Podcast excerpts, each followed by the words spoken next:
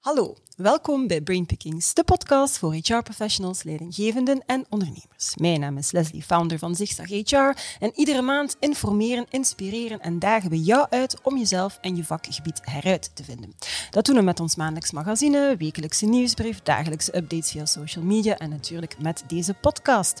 Dan kruip ik in het hoofd van een centrale gast om daar ideeën, inspiratie, best en next practices te stelen waar jij mee aan de slag kan in jouw organisatie of in jouw HR-team. thank you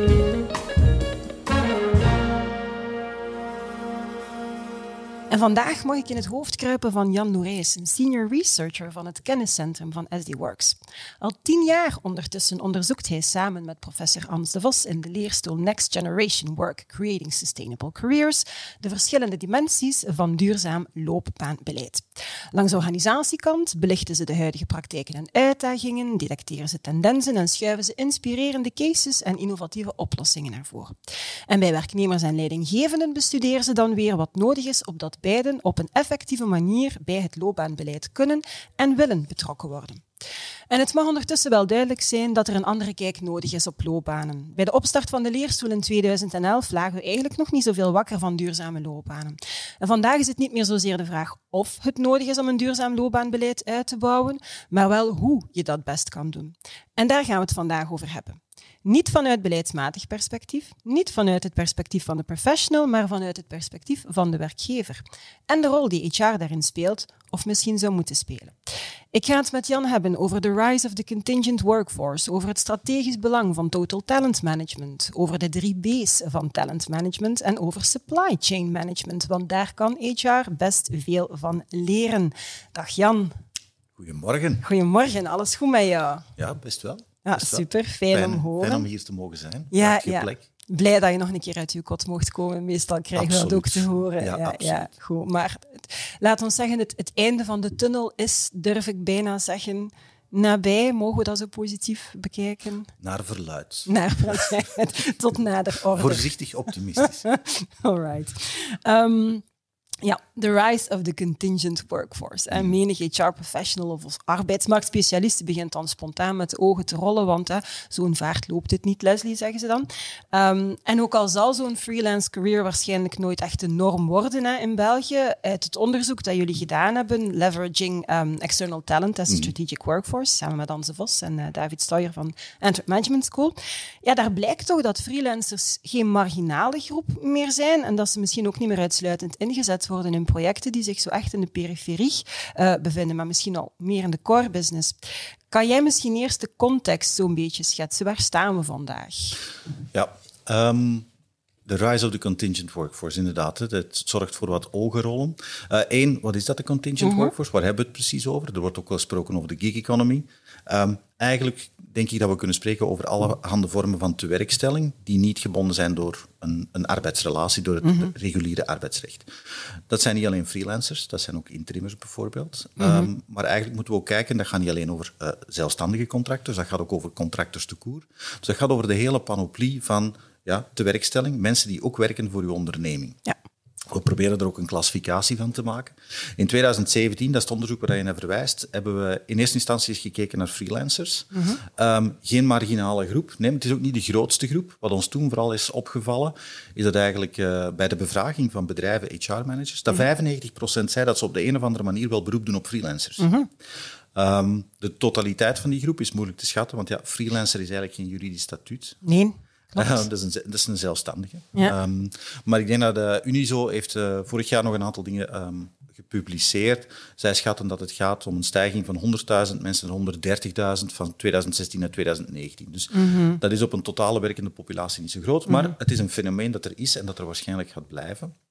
En vooral dus nog eens het feit dat werknemers zeggen van, uh, werkgevers uh, zeggen van uh, wij doen beroep erop, 95 procent heeft ons wel aangezet om dat verder ook te gaan onderzoeken en te kijken wat het daar, um, ja, waarvoor die ook worden ingezet. Hè. tweede punt dat je maakte, ze worden ook niet meer alleen ingezet voor wat dan hè, perifere taken mhm. wordt genoemd. Uh, verwijst eigenlijk naar het hele idee van, kijk, dingen die centraal zijn voor je organisatie, die zijn, zijn de mensen die je op de payroll neemt en voor de mhm. andere taken doe je beroep op externe. Um, ook dat blijkt niet meer helemaal te kloppen. Er zijn wel degelijk mensen die, um, die op strategische posities zitten, op heel belangrijke taken, We zien ook dat werkgevers een stuk beroep doen, zowel op mensen op de payroll als mensen in hun flexibele schil, hè, zo wordt het dan genoemd, vooral in het Nederlands.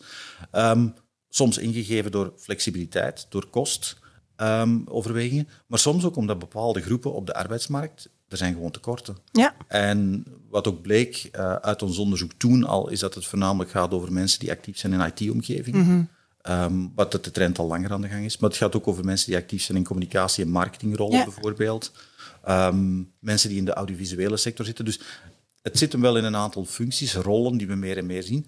Dus in die zin is het geen marginaal fenomeen mm -hmm. meer. Mm -hmm. Het is geen gigantische groep, nee. bekeken op de totale werkende populatie. Maar het is wel heel relevant voor bedrijven om ook op die populatie freelancers beroep te kunnen doen. Ja, ja inderdaad. Oké. Okay. Nu, uit datzelfde onderzoek blijkt dan dat er... Um, hij zegt 95 procent doet er een beroep op, maar dat er eigenlijk maar zelden een, een, formele strategie is eigenlijk als het gaat over talentmanagement van dat extern talent meer nog doorgaans is dit jaar ook heel vaak niet betrokken. Mm -hmm. Vaak zelfs niet eens geïnformeerd, omdat freelancers, ik spreek nu specifiek over freelancers inderdaad, binnenkomen langs alle mogelijke kanalen, hè, via legal, procurement, de business mm -hmm. zelf. En het zijn vaak anderen dan HR die instaan voor opmaak, beheer, managen van contracten. Mm -hmm. Ja, en volgens jou is dat een effectief een probleem. Waarom? Maar het is alleszins een uitdaging. Het hoeft niet noodzakelijk een probleem te zijn als dat mm -hmm. allemaal goed geregeld is. Ik denk dat er kansen verloren gaan. Um, mm -hmm. Ik denk dat enerzijds te bekijken vanuit de totale competenties die je nodig hebt, de competentiepool die je nodig hebt voor je bedrijf. Laat je daar een aantal kansen liggen. Dat is waarschijnlijk vaak ingegeven van een ad hoc tekort, een capaciteitsissue. Mm -hmm. En dat is perfect om op te lossen. Maar het zou wel handig zijn om dat op een breder plaatje te zien. Meer en meer bedrijven doen dat ook. Hè. Ja. Brengen eigenlijk die totale populatie in kaart, zodat er ook efficiënter kan ingezet worden. Mhm. Um, waardoor dat je vanuit een databank of vanuit een service kan kijken wie zijn de mensen met wie dat we regulier samenwerken. Ik heb nu een probleem, dat zijn die mensen, we doen daar nu een beroep op. Ja. Dat is de andere praktijk. Ten tweede, ik denk dat vanuit een bedrijfsperspectief dat het ook wel interessant is om die totale populatie in beeld te hebben vanuit een total cost perspectief. Absoluut. Ja. De total cost of employment is toch een heel belangrijk stuk van, uh, van de kosten van de bedrijfsvoering. Mm -hmm. um, en daar um, zou het ook wel eens interessant kunnen zijn om dat in, be in, beeld te hebben. En ook om de vergelijking te kunnen maken tussen de kosteffectiviteit van ja. verschillende profielen bijvoorbeeld, of van verschillende statuten. Um, daar laten we denk ik, of daar laten bedrijven soms kansen liggen. Kansen liggen, ja, ja. Nu, als ik dan met HR-managers over dat topic uitwissel, dan gaat het gesprek heel vaak over uh, ja, de spreidstand, hè, dat ze dat dan noemen. En ze voelen zich gevangen. Ze zijn zich wel bewust van de noodzaak en belang. Ze zijn zich ook vaak bewust van het feit dat ze misschien wel wat kansen laten liggen. En dat er een inclusieve approach nodig is. Mhm. Mm -hmm. Maar ze voelen zich heel sterk beperkt door die wettelijke context. Hè. Er zijn heel veel zaken die niet mogen. Mm -hmm. Anderzijds denk ik, dat mag natuurlijk ook geen excuus zijn om je daar helemaal niet mee bezig te houden. Dus ja, de vraag is dan, wat kan HR dan wel doen? Of waar moet HR volgens jou dan minimaal op, op inzetten om ook die freelancers in haar beleid toch mee te gaan betrekken op een of andere manier? Ja, zijn twee zaken. Hè. Eén, verwijzend naar je vorige vraag. Ja, zorgen dat je daar een overzicht van hebt, dat is al mm -hmm. heel belangrijk. Um, twee, het is natuurlijk zo, die juridische context is er en dat gaan we ook niet zomaar veranderen. Mm -hmm. hè. Dus mijn juridische collega's hebben mij vooraf ook op het hart gedrukt. Jan, laat dat niet te veel los, dat is extreem belangrijk. Hè. Ja. Um, maar dat neemt niet weg dat uh, een HR-beleid... externe medewerkers gaan een, een aparte badge hebben, externe medewerkers mm -hmm. gaan een aparte handtekening hebben. Uh, dat is absoluut zo. Gaan wellicht niet op het personeelsfeest mogen uitgenodigd mm -hmm. worden. Um, maar dat betekent niet dat we op het niveau van de teams waar die mensen gaan werken, dat er wel kan gewerkt worden, vooral op de dingen die essentieel zijn. En dat is samenwerking. Ja. Uh, en zorgen dat mensen, als ze toekomen, externe medewerkers, uh, dat ze ook toegang hebben tot de bestanden waarop dat samen moet gewerkt worden. Dat daar dat soort zaken. Mhm. Mm -hmm. Dat er een klein stukje onboarding is, niet echt training, maar dat die informatie toch ook, dat mensen toekomen, dat ze zich welkom voelen, dat ze geïnformeerd zijn, dat ze weten wat de context is waarin ze werken. Ik denk dat daar mm -hmm. toch wel een heel grote kans ligt. Als je dan een soort uh, algemeen beleid hebt, hè, we zeggen van, we hebben die mensen in beeld, we kennen die mensen, we kunnen die ook binnenbrengen, we hebben daar afspraken rond, dan denk je dat het al een heel stuk inclusiever wordt. Mm -hmm. En dan hoeft er ook niet nood noodzakelijk te zorgen voor concurrentie op de werkvloer. Dat is alleszins, yeah. denk ik, wat de essentie is. Yeah. Daar moet het gebeuren. Die mensen moeten samenwerken. Dat ja, is essentieel. Ja. Ik denk dat daar het HR een speciale rol te spelen heeft. Ja, absoluut, dat klopt. En wat ik dan eh, ook spontaan aan denk, um, waar me misschien ook nog niet altijd bij stilstaat, of dat dat nu iemand is die op de payroll staat of een freelancer is, als die niet helemaal um, mee is in het verhaal van het bedrijf en die persoon, die freelancer, heeft contact met een externe, een klant of eender, of eender wie, dat dat eigenlijk... Ja, die persoon vertegenwoordigt op dat moment wel het bedrijf. Dus ik vind dat precies ook wel een belangrijke component. Je hebt die samenwerking, mensen moeten inderdaad samenwerken, maar die freelancer kan evengoed een bedrijf vertegenwoordigen en mede perceptie over dat bedrijf gaan bepalen. Dat klopt. Hè. Dus daar is het ook extreem belangrijk dat er juiste informatie um, wordt verstrekt. En tegelijkertijd dat toch ook de regels worden gerespecteerd en dat in die handtekening en in dat contract dat dat duidelijk is. External, dus het is het is een dunne lijn. Mm en het is effectief heel goed te bekijken en absoluut aan te raden om dat grondig te overwegen, te kijken ook hoe dat, dat moet gebeuren. Ten meer ook omdat je je, leidinggevende, de mensen die dat dan eigenlijk moeten samenwerken met die mhm. mensen, want ze mogen er geen leiding aan geven. Er is, nee, nee. Er is geen, ja, ja, klopt. Er is geen hiërarchische rol. Ja. Um, hoe dat, dat dan in zijn werk moet gaan, ook omdat evaluatie en dergelijke eigenlijk uit de boze zijn. Mm -hmm. Dus welke soort afspraken maak je dan rond resultaatopleveringen? Hoe kan dat contractueel geregeld worden? Een, een heel uh, maar vanuit een HR-perspectief, een soft HR-perspectief, al noem ik het niet, zo, niet graag zo, mm um, is vooral in eerste instantie kijken hoe moet het dan werken in de samenwerking ja. en de effect, uh, vertegenwoordiging zoals je het effectief zijn naar, uh, naar ja. externe toe. Ja, ja oké. Okay. Nu we kijken, uh, bij zich zeg HR sowieso graag over het muurtje noemen we dat dan, omdat je uiteindelijk toch altijd veel kan leren over sectoren of mensen of, of bedrijven dat op het eerste zicht precies dat je niet noodzakelijk veel mee te maken hebt. Nu, HR kan ook heel wel leren van supply chain. Dat zijn niet mijn woorden, Peter Capelli en John Boudreau. Um, juiste talent op de juiste plaats op het juiste moment, dat volgt eigenlijk hetzelfde principe als supply chain management. It's about guessing and predicting future demand and then planning to meet that demand. Ja. Peter Capelli spreekt in dat opzicht van de drie B's mm -hmm. van talentmanagement en zegt dat bedrijven zich eigenlijk of gewoon drie vragen moeten stellen als het gaat over talentmanagement. Ja, wat zijn die drie B's en wat zijn die drie vragen? Ja, de drie, de drie B's uh, van, van, van Capelli zijn inderdaad: um, should we build, buy or borrow talent? Mm -hmm. um, dat, is, e-, dat is één punt. Maar even terug gaan naar je begin. Het gaat inderdaad over, en, en ik heb er met, uh, met Ans de Vos destijds ook al eens uh, iets over gepubliceerd. Moeten we inderdaad niet gaan kijken, ook in de lijn waar John Boudreau suggereert, dat we meer gaan kijken naar de vraag en aanbod mm -hmm. van talent. Van wat is de, de vraag van de business in termen van capaciteit, in termen van competenties, mm -hmm. nu, hè, maar ook in de komende jaren. Denk ook aan het hele debat rond de future skills. Wat gaan mensen nodig ja. hebben, digitalisering en zo verder. Dus wat hebben we nu? Wat is de as-is-plaatje? Hebben we iedereen in beeld? Hebben we alles in beeld? Twee, en wat gaan we nodig hebben? Ja. En dan denken ook vanuit een supply chain, maar wat biedt de markt op dit moment? Mm -hmm. Wat is er op de markt? Want dan komen we daar terecht. Gaan we die talenten überhaupt vinden? Mm -hmm. En zo ja, hoe gaan we die dan inzetten? En dan kom je bij het punt, oké, we hebben de as-is, daar gaan we naartoe. Hebben we dat talent dan klaar? En dan stel je je de vraag, moeten we dat talent dan gaan ontwikkelen? Hebben wij mensen in huis die we naar die rol kunnen laten evolueren? Gaan we erop investeren om te zorgen dat die die rol in de toekomst gaan opnemen? Mm -hmm. Dat is de beeld dan. Dat is de beeldblok. Ja. Mm -hmm. Hoe gaan we dat ontwikkelen? Develop, build. Tweede vraagstuk is dan, als we dat niet kunnen, of als we dat effectief gaan nodig hebben, als we zien van, ja, neem bijvoorbeeld data scientists, dat gaat een heel belangrijk punt. Mm -hmm. Kunnen we die dan vinden op de markt, zodat we die kunnen aantrekken en dat we die kunnen inhuren, dat we die effectief ja. kunnen contracteren. Dat is dan eigenlijk het hele stuk rond, kunnen we ze kopen. Ja. Um, Capelli gaat daar nog een stukje verder in. Hij zegt van ja, misschien moet ook gewoon durven kijken van moeten we geen acquisitieplan hebben in de zin van we gaan kijken waar dat ze wel zijn en we gaan ze gewoon weghalen. Ja. ja. Dus eigenlijk het hele idee van kunnen we die mensen aantrekken op de een of andere manier en contracteren. En het derde element waarover dat hij spreekt, dat is borrow. Ja. Uh, kunnen we talent ook inlenen op de een of andere manier? En dat gaat dan voornamelijk over uh, wat we net, waar we mee begonnen zijn vandaag, die contingent workforce, uw flexibele schil. Kunnen we ook mensen vinden die ons helpen op gezette tijdstippen voor een langere of een kortere tijd met de zaken die wij, die wij nodig hebben. En bedrijven zijn zich dat meer en meer aan het afvragen. Je komt toch een stukje terecht bij die core-periferievraag van hebben wij dat soort competentie nodig permanent? Kunnen we dat ook hergebruiken? Is het iets of niet? En daar kan je dan eigenlijk een stukje je, je talentplan laten we het zeggen, uh, op gaan afstemmen, uw capaciteitsplan. Dus um, we hebben het ons gewoon eens afgevraagd, want het is een heel andere manier om ernaar te kijken. Mm -hmm. um, ja, Boudreau en Capelli staan ook wel heel erg gekend voor hun, uh, hun support van het evidence-based HR, ja. mm -hmm. uh, wat wij toch ook wel aan een aan aantrekkelijk idee vinden. Breng in kaart wat je hebt in termen van competenties, maar ook mm -hmm. de Mhm. kosten. Wat gaan we nodig hebben? En hoe gaan we zorgen dat er effectief een supply chain, ja. een, een, een spoor is, een toevoer van mensen om dat effectief Mhm. mogelijk te maken. En kunnen we tegelijkertijd ook kijken, um, waar dat we uh, vooraf ook al in, over spraken, of dan naar uw interne mobiliteit bijvoorbeeld, Mhm. dat we daar keuzes kunnen gaan maken. Zijn er afdelingen waar dat meer werk gaat zijn, minder werk gaat zijn? Gaan we bepaalde zaken stopzetten?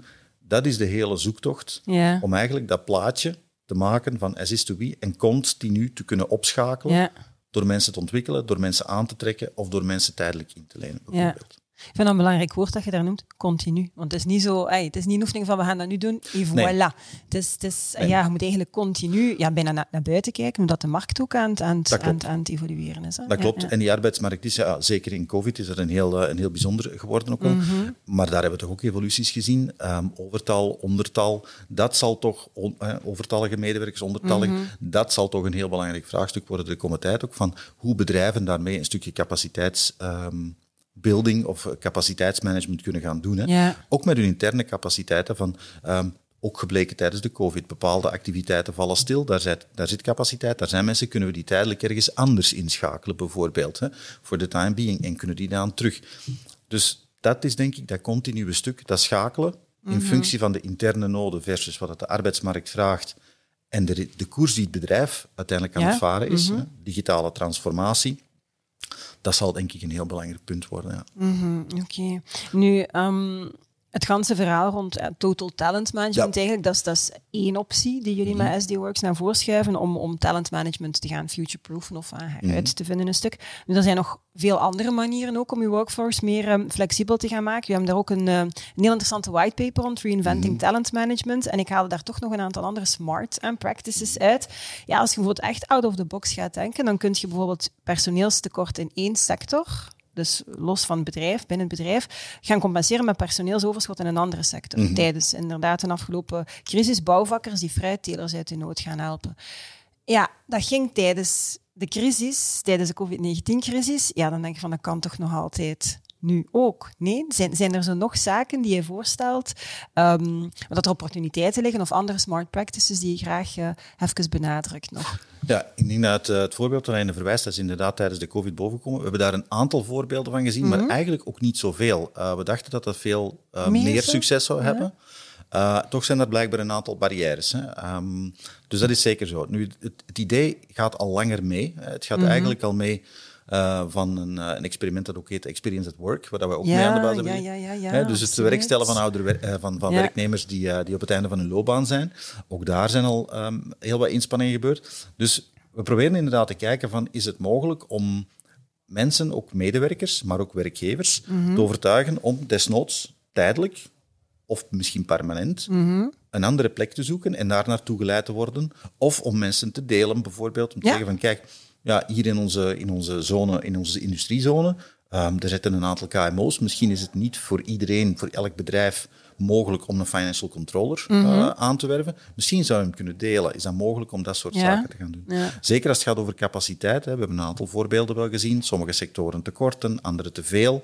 Ehm, het is ook een heel belangrijk beleidsthema op dit moment van de minister van Werk overigens. hè. Hoe kunnen we mensen begeleiden in werk-naar-werktransities? Ja. Ehm, we zien daar heel veel potentieel, maar om de een of andere manier lijkt dat nog niet zo'n succes te zijn. Dus we denken dat we inderdaad daar Ja. veel meer op gaan moeten inzetten. Eh, niet alleen vanuit bedrijven, niet alleen denkend vanuit ondertal en overtal, maar ook vanuit een stuk duurzaamheid. Hè. Hoe kunnen we inderdaad zorgen Ja. dat mensen niet alleen hun loopbaan, hè, dan kom ik bij het basisthema van, van het onderzoek dat we doen, dat de mensen hun loopbaan alleen maar bij ons verder zetten, maar dat, ze die misschien, dat we die misschien zelfs kunnen toeleiden en ergens anders die Ja. verder kunnen gaan zetten. Dus enerzijds delen van personeel, een heel belangrijk ding. En anderzijds ook dat idee om mensen, medewerkers en vanuit HR te gaan steunen in het idee van een job voor het leven is waarschijnlijk nog voor weinigen van ons gegeven. Maar hoe kunnen we dan toeleiden naar anderen? Hoe kunnen we dat even- eventueel doen?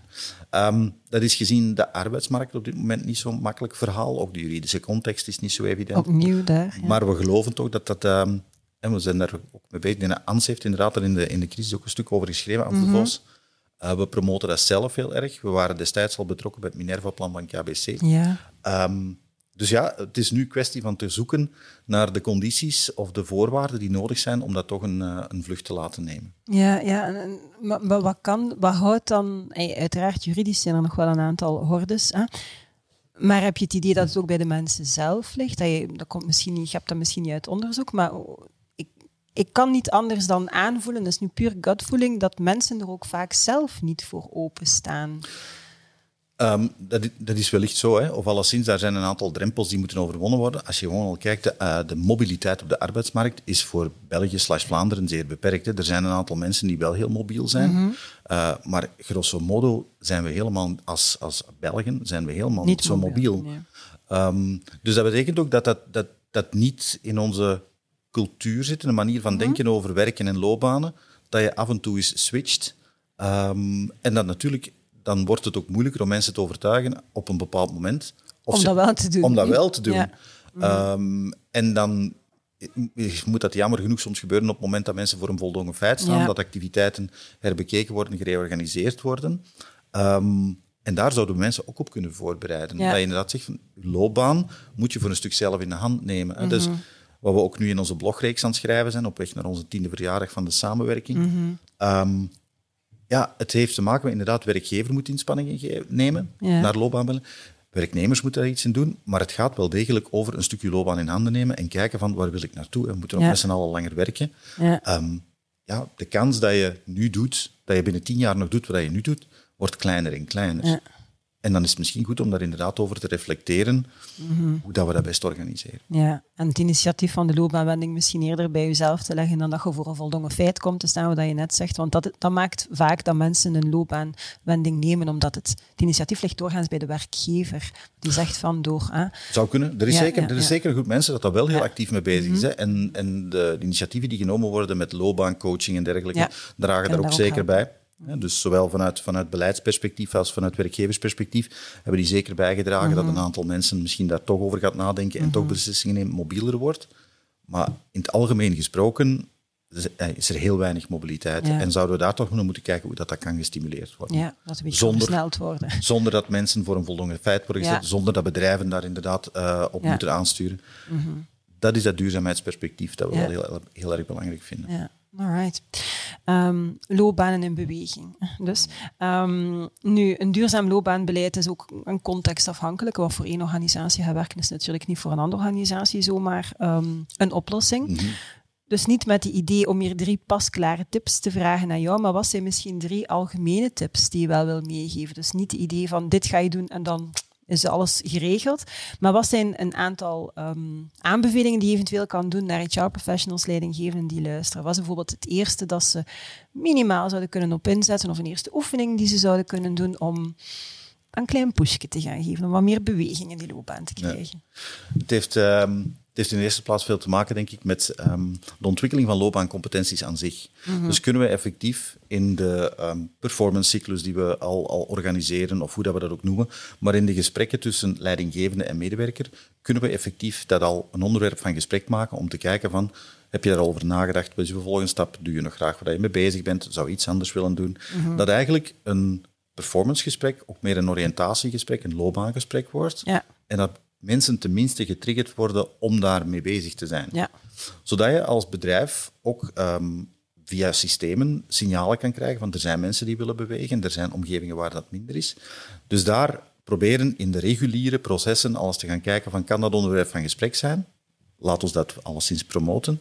En laat ons daar ook kijken in welke mate dat we dat kunnen capteren, zodat we weten wat dat is. Ja. Um, twee, um, voer campagne. Ja? Um, niet alleen op de één-op-één relatie inzetten, um, maar voer een campagne. Hè. Wij zelf hebben onder impuls van onze, van onze HR-directeur Gatti Geers hebben een campagne gevoerd rond uh, It's Your Move. Mm-hmm. Met name om intern te zorgen dat mensen daarmee bezig zijn en dat dat ook een kans is om te gaan nadenken. Ah, en er zijn ook effectief kansen. Ah ja, en er zijn ook effectief plekken waar ik naartoe kan. Neem dat zelf een stukje naar. Ja. Dus heel veel heeft te maken met één, sensibiliseren. Twee, dan mm-hmm. informeren en ondersteunen.